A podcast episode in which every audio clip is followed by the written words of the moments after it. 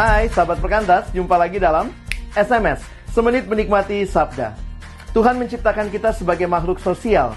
Makhluk yang seharusnya berelasi secara vertikal dengan Allah Dan secara horizontal dengan sesama manusia.